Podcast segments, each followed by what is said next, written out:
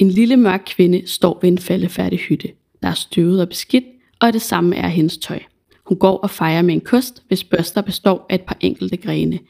Kvindens hår er langt, krøllet og sort. Hun bærer en slidt hvid kjole, der slæber hen af jorden, når hun går. En krumrykket mand kommer ud af hytten. Han er iført et par cowboyshorts, der engang har været et par gode bukser. De har næsten samme farve som ham selv. Han kysser hende på, på kinden og siger noget til hende. Hun kigger smilende ned på sin runde mave og kigger efter ham, mens han går ind mod skoven. I samme øjeblik, manden er ude af syne, rammes kvinden af en bølge af smerter, der skyller ind over hende med minutters mellemrum. Hun skriger op og kigger desperat mod skoven, det sted hun så sin mand gå ind. Hun kryber langsomt ind i hytten, og et øjeblik senere hører man en vel, velsignet lyd. Det er en lyd, der får tid og levende til at stå stille. Det er en lyd, man altid vil finde hjerteskærende og varm på en og samme tid. Det er ikke mindre lyden af en baby, der er kommet til verden.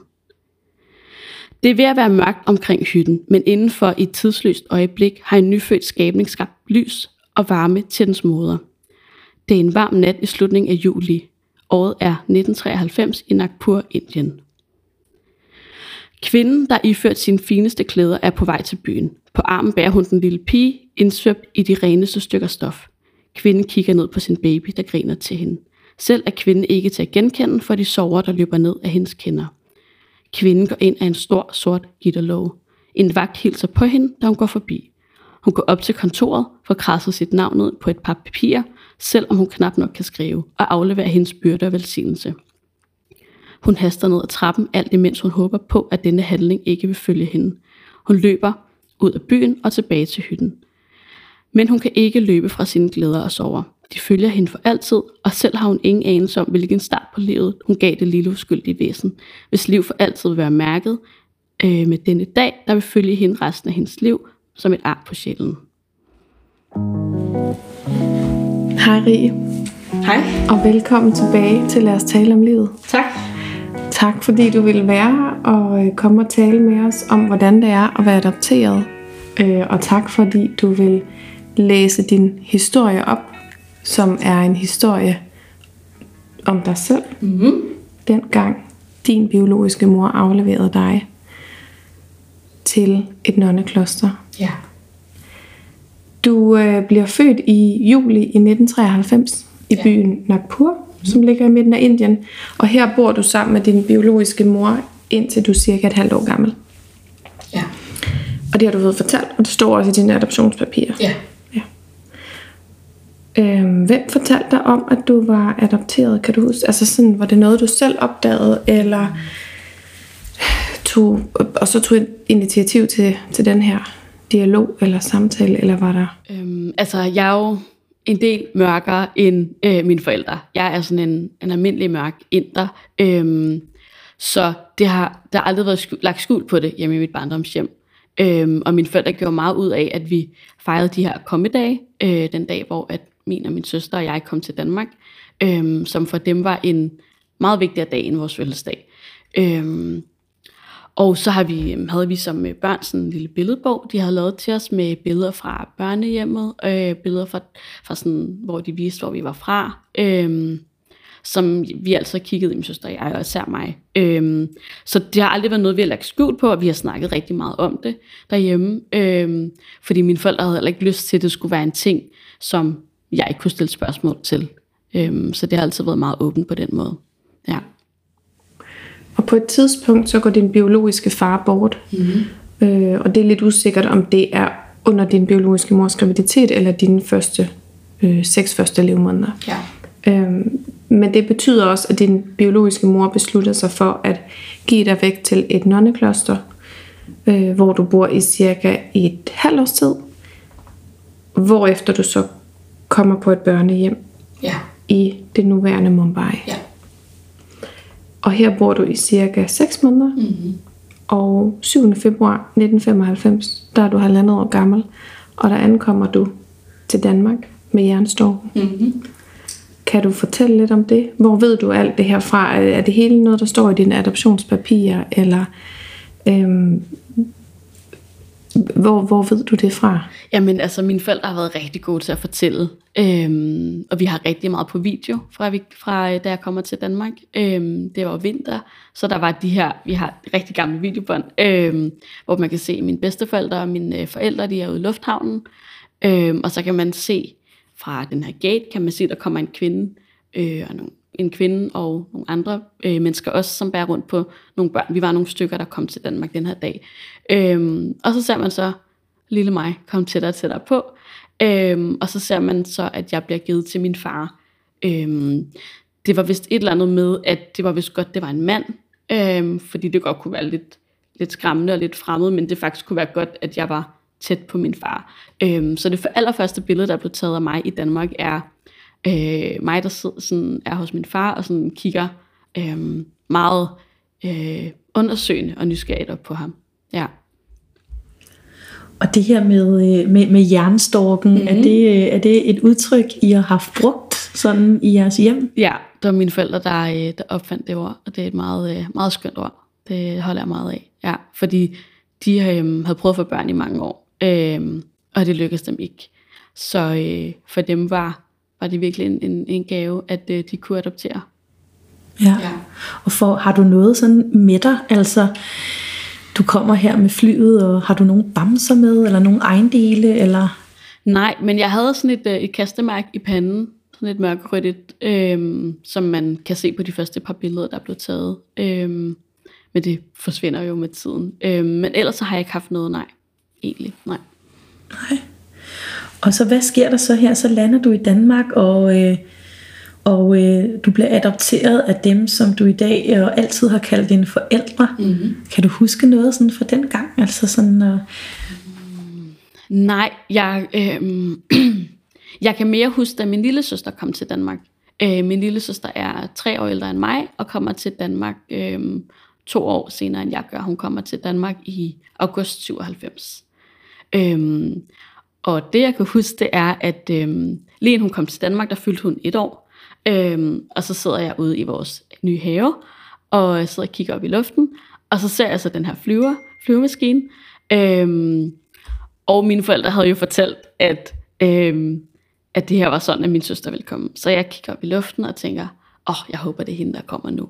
Det var det jo selvfølgelig ikke. Hun, der gik lige et par måneder, før hun kom. Men øhm, det er det sådan første minde omkring det at være adopteret, eller i hvert fald sådan have en bevidsthed om det. Ja. Hvordan er det at få en søskende, som ligner dig, fordi din søster kommer også fra Indien, mm. øh, så der er noget hudfarve, og der er noget hårfarve, og der er noget, altså der må være en genkendelighed, tænker jeg, i forhold mm. til måske dem, der ellers er i børnehaven, ja. eller sådan. Vi ligner faktisk ikke hinanden så meget. Øhm, hun er en del lysere, end jeg er, fordi hun er fra øhm, en mere sydlig del af Indien. Så der er ligesom der er en del forskel på hudfarverne der. Øh, så hun er meget lysere, end jeg er. Hendes øh, øjenfarve er meget mere lysebrun end mine, hvor mine er næsten helt, helt mørke. Øhm, så der er mange, der siger, at vi ligner hinanden. Det, jeg, jeg kan ikke rigtig se det, men vi har selvfølgelig samme hårfarve. Øhm, og alligevel er hendes lidt mere rødligt end mit nogle gange. Øhm, jeg vi har altid været rigtig gode til at snakke om adoption, og især også her efter vi er blevet ældre. Øhm, så hun er, hun er helt klart en god man sige, følgesvend i alt det her. Så på en eller anden måde er det rart at vide, at der er i hvert fald et andet menneske øh, tæt på mig, som ved, hvordan jeg har det øh, med adoption og de følelser der. Øhm, så på den måde har vi altid været gode til at passe på hinanden. Og man kan så sige, at øh, det med, at I har haft hinanden op gennem øh, jeres opvækst mm. og, og i, teen, altså i de her teenageår her, hvor I så også har hinanden, men der, der rammes du så af en eller anden identitetskrise, som begynder at påvirke dig, øh, det med, at man ikke ligner sine forældre, og hvordan, hvordan påvirker det dig, og hvordan rummer du det? Jeg synes, det var rigtig svært. Altså, øhm, ja, som du siger, man, jeg rammer sig sådan en identitetskrise. Øhm, og det var jo sådan meget almindeligt, at man dengang, og stadig nu også, i hvert fald i den alder, snakkede om, hvordan man lignede sine forældre øh, udsendsmæssigt. Øh, og det føltes enormt sorgfuldt, når andre gjorde det, også dengang. Øh, jeg havde nok rigtig svært ved at håndtere det, og jeg tror, jeg lukkede mig rigtig meget ind i mig selv. Øh, og jeg havde en masse følelser i min krop, som jeg dengang ikke rigtig kunne få styr på. Jeg kunne ikke rigtig øh, finde ud af, hvor de hørte til. Så jeg tror, jeg rigtig mange år egentlig gik rundt og altså, følte mig sådan lidt rodløs. Altså jeg havde lidt en følelse af, at jeg ikke hørte til. Altså jeg bor i Danmark, og jeg ved godt, jeg elskede og ønskede, men jeg havde helt klart en, en følelse af, at jeg var sådan, at jeg ikke hørte til alligevel. Jeg var lidt sådan en, en, en alien, der var landet på jorden på en eller anden måde, fordi at de fleste af dem, jeg kendte, jo ikke ved, hvordan det er at være adopteret. Øhm, Kunne du med nogen om det? Nej, egentlig ikke, og jeg tror det var fordi, jeg dengang slet ikke rigtig havde et sprog for det egentlig. Altså det har været, øhm, der har måske været 14, så det har været sådan noget starten midt nullerne egentlig, og dengang var der jo heller ikke så meget øhm, fokus at snakke om. Øhm, det var faktisk, det blev begyndt først lige der at være en ting, at adopterede jo også har en eller anden form for et traume, fordi man jo kommer med, i, øhm, med en masse ting i bagagen i forhold til, hvordan hvilke skift man har haft. Øhm, og man snakker jo om, at de første to år af en barns levetid er de vigtigste i forhold til tryghed. Øhm, og som jo også blev forklaret tidligere, så har jeg oplevet rigtig mange af de her skifte og svigt, vel og mærket. Øhm, så det har været svært, og det er faktisk noget, jeg stadig kæmper med, det her med svigt. Øhm, min, min, øh, det er ikke noget, jeg kan huske sådan i forhold til minder, men min krop husker det rigtig tydeligt. Øhm, den der følelse af, at hvis nogen ikke ville mig, ignorerede mig, eller øh, et venskab stoppede, så, så fik jeg sådan en, øh, en helt angstfølelse i maven. Jeg kunne faktisk godt nogle gange få sådan nogle panikangstanfald, fordi at det bare sat en eller anden kæmpe stor reaktion i gang, og det er først noget, jeg er begyndt at forstå inden for de sidste 5-6 år, øh, hvad det egentlig var. Øhm, og det, det har taget mig lang tid at acceptere, at, at der er i hvert fald et eller andet i min tilknytning, som ikke er det almindelige for, en, for mange af dem, der lytter med, måske i hvert fald. Øhm, men det er også en ting, som jeg synes er vigtigt at fortælle, fordi det er vigtigt, at vi husker, at alle jo kommer med en bagage, men især som adopteret, og de her børn jo ofte ikke kan sige det selv. De, de, og de aner måske heller ikke engang selv, hvad de har oplevet eller været udsat for. Det er ikke sikkert, at det står i deres papirer. Øhm, og jeg tror desværre, at der i slut midt 90'erne, hvor der var rigtig mange adoptioner også, der var der ikke så meget fokus på, hvordan familierne skulle eller kunne hjælpes, når, de, når børnene kom hjem. Det, øhm, det tror jeg, at mine forældre måske kunne have rigtig godt gavn af. De gjorde virkelig det bedste, de kunne. Men jeg tror, generelt har man som forældre jo også, synes jeg i hvert fald selv, øh, brug for noget vejledning til, hvordan man skal agere over for ens barn. Men jeg tænker, at når man har et barn, som har oplevet de her svigt, så er det endnu vigtigere, at man får nogle redskaber og vejledning til, hvordan man skal agere og, og så videre. Det, øhm, det har helt klart manglet, tror jeg, øhm, synes jeg, hvis jeg skulle sætte en finger på noget der. Hmm. Ja. I løbet af de her år, så møder du også, altså du bliver ligesom en række spørgsmål, som kommer igen, blandt andet, hvor er du fra? Mm-hmm. Og dit svar er som regel, at du, Ja. du er fra Jamen, jeg er fra Glostrup. ja. Og folk siger, jamen hvor er du rigtig fra? ja. Øh, og, og gætter også tit på Sri Lanka eller andre steder end Indien som Ja. sådan. Øh, eller kender du dine biologiske forældre, eller har du lyst til at opsøge din biologiske familie? Ja. Øhm, og så det her med, om du og din søster er rigtige søskende. Ja. Øhm, eller biologiske Ja. søskende. Øh, Hvordan har det været at blive mødt af de her spørgsmål? Formentlig også på forskellige tidspunkter i livet. Ja. Øhm, ja. Altså det er klart, at da jeg var helt lille måske, lad os sige, indtil jeg var sådan noget 8 år gammel, der tror jeg ikke, jeg stussede så meget over de her spørgsmål. Der svarede jeg bare, fordi der havde jeg på en måde ikke rigtig en bevidsthed om, om mig, og at jeg var så meget anderledes end andre. Øhm, men jeg igen i teenageårene, der var det meget frustrerende, at jeg skulle på en måde defineres ud fra, hvor jeg var fra. Øhm, og jeg synes, det var... Øhm, det, det er jo ret tydeligt for mig, at jeg i hvert fald ikke er øhm, en etnisk dansk person.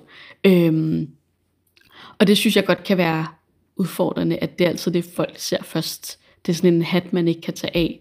Øhm, så jeg synes, det har været rigtig frustrerende at få stillet spørgsmålstegn ved, om min søster og jeg er rigtig søskende, fordi hvad er rigtig søskende? Altså det, så længe man selv tror på det og føler det, så er det jo det vigtigste. For mig er min søster min rigtig søster, og vi har det virkelig godt sammen. Øhm, så det, det kan jeg godt have følt har været sådan en, at jeg skulle forsvare noget, tror jeg måske.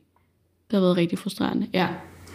Jeg tænker, at nogle af de her spørgsmål nogle gange kan, kan komme ud fra en, en reel interesse og nysgerrighed, både omkring dig som mm. person, men også sådan generelt. Øhm, er der, nogen, er der en bedre måde at gå til det på? Mm. Altså, så kan man selvfølgelig tale for imod den måde, spørgsmålene bliver formuleret på, ja. men, men hvad, kunne, hvad kunne have gjort det anderledes? Hvad kunne have givet dig måske en bedre følelse? Eller er det bedst at lade være med at, at spørge, og så lade som om det slet ja. ikke er sket? Jamen, det er et virkelig godt spørgsmål. Øhm, altså, det ville være lidt sådan elefanten i rummet, hvis man ikke i tale det, fordi det er så tydeligt på mig. Øhm, men jeg, jeg gad godt, at folk de spurgte, Nå, men er du adopteret? Fordi det kunne også godt være, at jeg bare havde en, en forælder, der kom fra et andet land. Øhm, og så kunne jeg sige ja. Og så gad jeg godt, at folk de spurgte, hvordan er det så at være adopteret? Altså det, det synes jeg er mere spændende end alt det der fakta med, hvor man fra og så videre. Øhm, og så tror jeg også, at det har noget at gøre med, at der, sådan start nullerne, der, altså, der var ikke så meget fokus på det at være adopteret, og øhm, så der var heller ikke sådan en bevidsthed fra andre mennesker om, hvordan de ligesom skulle, eller kunne øh, tale med folk, der ikke så ud ligesom dem. Øhm, og jeg kender godt selv til den der nysgerrighed om, at jeg har lyst til at spørge, hvor folk er fra, og der prøver jeg, prøver jeg at tage mig selv i at tænke, ej, det er jo faktisk ligegyldigt. Det kan være, at det kommer frem, hvor de er fra, men det er jo egentlig lige meget. Det er jo et, det er jo et menneske. Øhm, så der kan jeg nogle gange godt have følt, at jeg har blevet sige, degraderet til mit udseende eller en eller anden etnicitet, i stedet for at jeg bare er mig med en historie. Ja, for du har også oplevet, at der er nogen, der har talt engelsk til dig. Ja. Helt sådan. Ja. Og det er det super mærkeligt. Ja. Jamen på gaden. Ja. Der var en, der spurgte mig om vej eller et eller andet, og så... Ja. Øhm, det synes jeg er mærkeligt. Der er en forventning om, at fordi man ikke ser etnisk dansk ud, så, øh, så kan man ikke snakke dansk.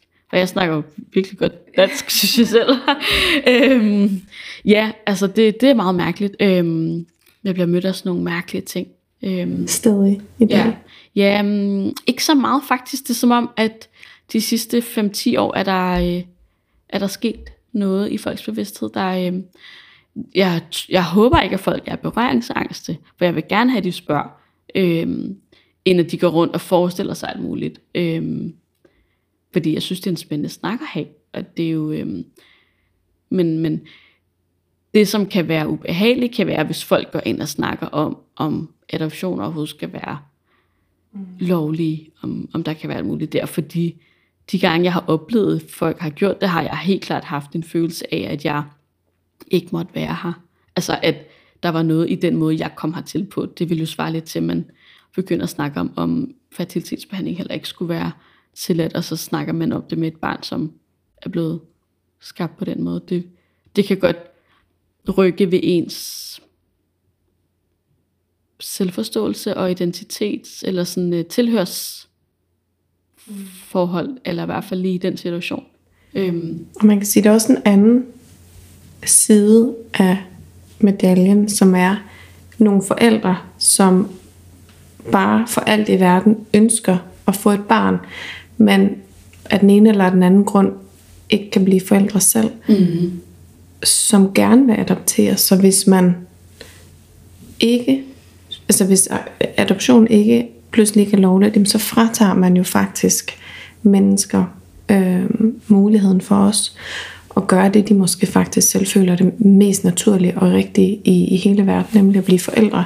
Ja. Øhm, og så hjælper man jo også nogle børn. Mm-hmm. Børn kommer jo som udgangspunkt ikke på, på børnehjem eller bliver bortadopteret, hvis ikke det er fordi man mener, ja. at de får et bedre liv i den anden ende og nogle bedre levevilkår. Og, øhm, og, og der kan jo være mange gode grunde til det, men at the end of the day, så er det jo, så er det jo fordi, man føler det er det bedste for børnene.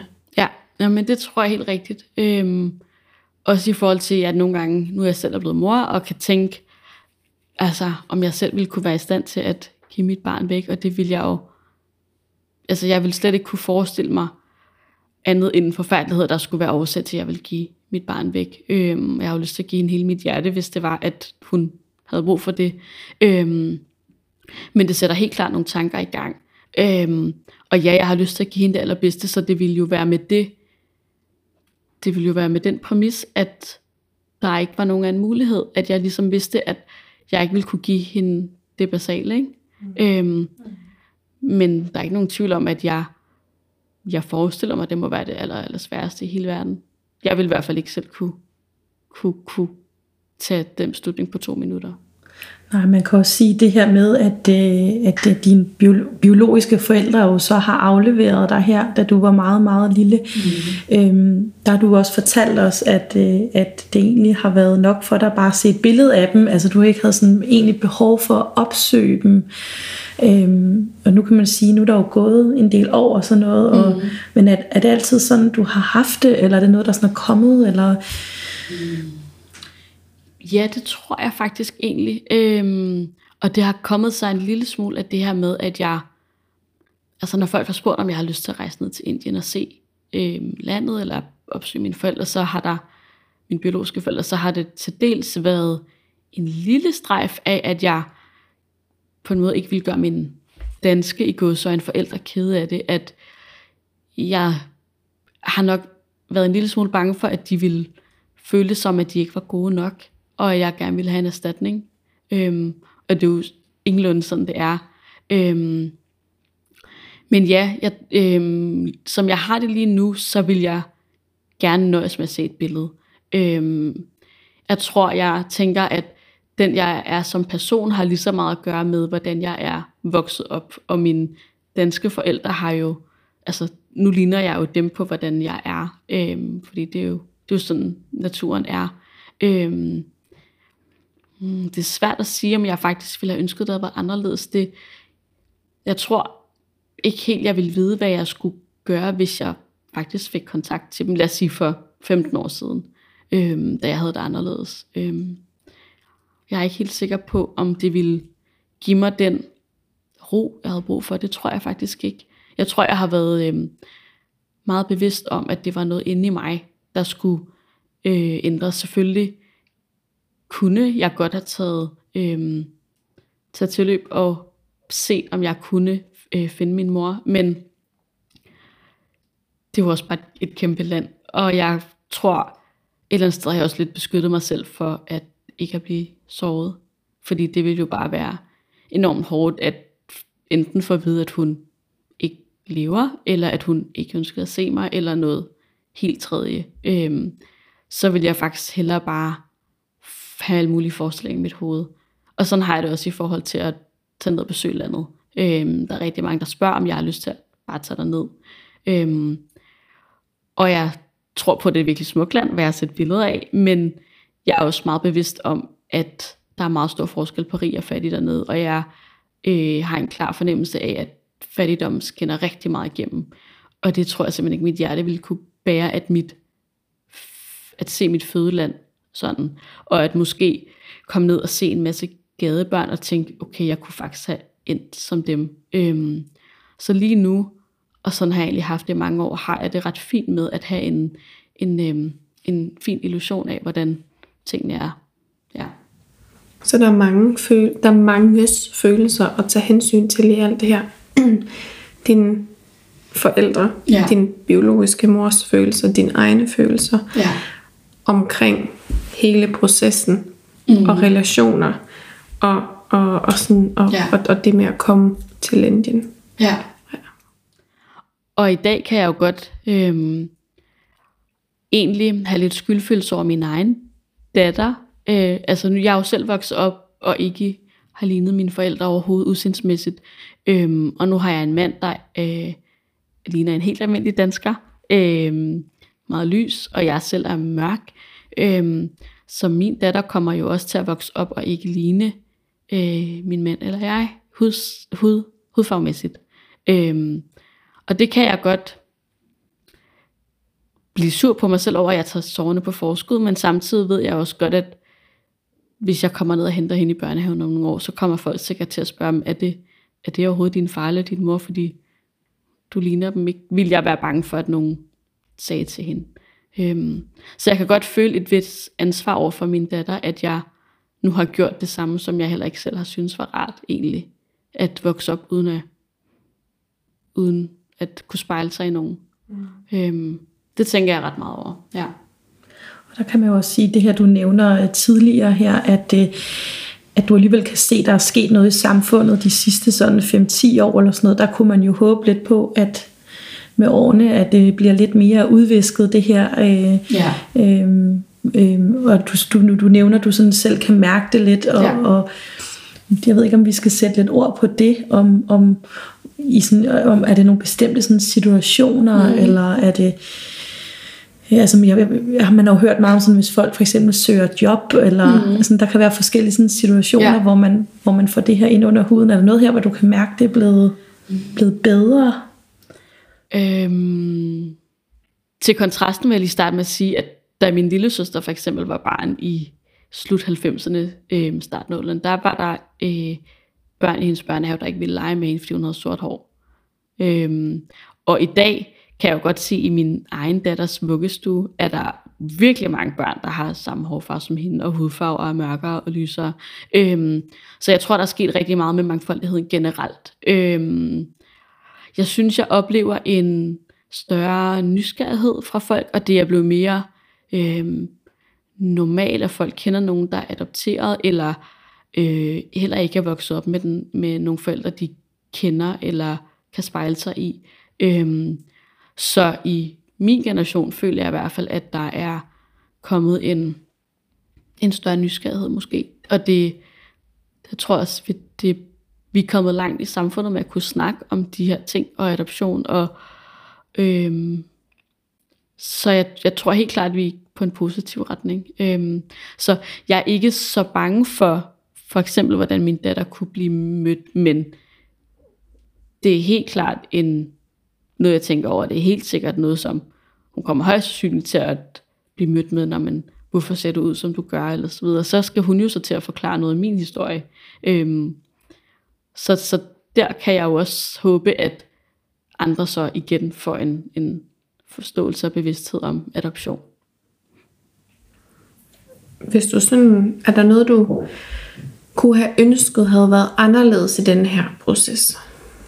Eller de her år, eller sådan hele, altså man sige, processen vil jo måske være mm. for evigt, for, måske, det kan også være, at du en dag tænker, nu lander jeg helt ja. i det her, og i alle de følelser, det indebærer, og, eller tager med sig, og sådan, men er der noget, havde det været rart, hvis der var blevet talt mere om det, eller mindre om det, eller du havde vidst mere, eller mm. vidst mindre, eller, eller er der noget, som du sådan, kan se åbenlyst kunne have gjort det bedre, eller nemmere at være dig? Mm. Nemmere måske mere nemmere. bedre? Øhm, generelt, at der måske også var noget mere øh, faglitteratur omkring det at være adopteret. Altså hele det psykologiske aspekt. Øhm, det synes jeg helt klart mangler. Øhm, at man på institutioner og forældre får en større bevidsthed om, ja, igen, hvad man, hvad man kan, hvordan man kan hjælpe sit barn, eller hvis man kender nogen af institutioner, hvordan man kan snakke med børn om, at de ser forskellige ud, og der er forskellige måder, de er kommet til verden på, og at deres forældre også kan se anderledes ud, og det kan der være mange årsager til. Øhm, så det er nok der, jeg tænker, at det kan, øhm, man kan starte i samfundet, det vil kunne give en, øh, en bredere bevidsthed generelt. Mm. Ja. Har du lært noget om dig selv, sådan de seneste par år? I takt med, at du hviler mere og mere i det, mm. øh, i det at være adopteret? Altså, øhm, jeg glemmer tit, at jeg er adopteret. Eller jeg glemmer i hvert fald tit, at jeg ser anderledes ud, fordi at de fleste af de mennesker, jeg omgås, øh, er mm. etnisk danske udseende. Øhm, og det er heller ikke noget, min øh, familie tænker over, og det synes jeg faktisk er rigtig rart. Øhm, så det har jo også gjort, at jeg har kunne hvile mig selv i det. Øhm, jeg tror, altså, jeg tror hele mit liv, resten af mit liv, vil der komme spørgsmål, og jeg vil sikkert øh, kunne blive mødt af mange forskellige typer mennesker, som vil kunne stille mig nogle spørgsmål, som vil gøre, at jeg er nødt til at lige at genoverveje min identitet på en eller anden måde, eller min egen historie. Øhm, så jeg tror ikke, at det er et lukket kapitel på den måde, og det ser jeg ikke som nogen, øhm, nogen dårlige ting nødvendigvis. Mm-hmm. Øhm, men, men lige nu er jeg et meget godt sted. Øhm, ja. Hvordan har du det så med adoption sådan i dag? Altså, øhm, ja, det, det er vi bare lidt nysgerrige mm. på. Altså, jeg synes jo, som Karoline også sagde, så synes jeg, at det, adoption er en rigtig god ting, og man kan jo hjælpe børn, øhm, som øh, ikke har nogen familie eller ikke har noget hjem, øh, og hjælpe de forældre, som ikke kan få børn på andre vis. Men med min egen baggrund, og det jeg selv har tumlet med, og alle de øh, svigt, som min krop har følt, og hvad det har medført senere hen, så vil jeg ikke anbefale en adoption, hvor at du adopterer fra et land, hvor barnet ser meget anderledes ud end, end dig selv. Jeg vil ønske, at, at man kunne adoptere et barn, som kom fra en, ens egen kultur, eller ens eget land.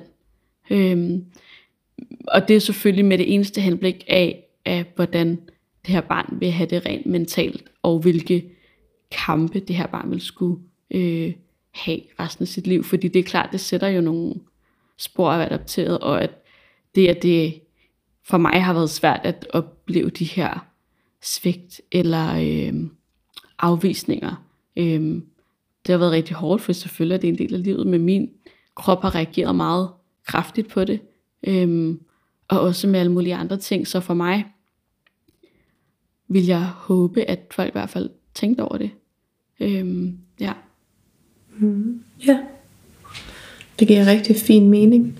Ja, så kan man jo også sige, at øh, vi, man ser jo også adoptioner herhjemme, øh, for eksempel i Danmark, hvor danske familier adopterer et, øh, ja, et dansk udseende barn, eller hvis man kan sige det sådan. Øh, og man kan jo så sige, at de her personer vil jo også opleve måske samme form for svigt. Øh, men man kan i hvert fald sige, at man kommer måske udenom de her lidt mere sådan, måske kulturelle øh, forskelle, eller udsynsmæssige forskelle, der kan, øh, der, kan, der kan være, som kan være nogle ting, man også sådan skal bikse med, ikke? Jo. Øhm. Jo, og så alderen på barnet er jo også meget afgørende, at jeg var på en måde relativt gammel og oplevet relativt mange svigt eller skift. Øhm, så Havde det, det været bedre, tror du, hvis du var ældre? Nej, jeg tænker jo yngre, jo. Bedre i forhold til, at jeg ikke har oplevet at have været så mange steder. Fordi det er jo egentlig både en, et skifte fra min biologiske mor til et nonnekloster til et børnehjem, til Danmark, så det er faktisk virkelig, virkelig mange skift. Øhm, og det ved jeg da i hvert fald, at man i psykologiens verden snakker om, ikke er særlig godt for et barn. Øhm, så der er jo helt klart noget, man kunne, hvis det var i danske forhold, man kunne øh, overveje, at der kunne være en, en bedre stabilitet. Jeg ved ikke, hvordan det er lige nu, men det håber jeg da i hvert fald, at de børn, som bliver adopteret, øh, fra Danmark til Danmark, at de har en, en stabil øh, leve, leve, levevej de første mange år. Mm.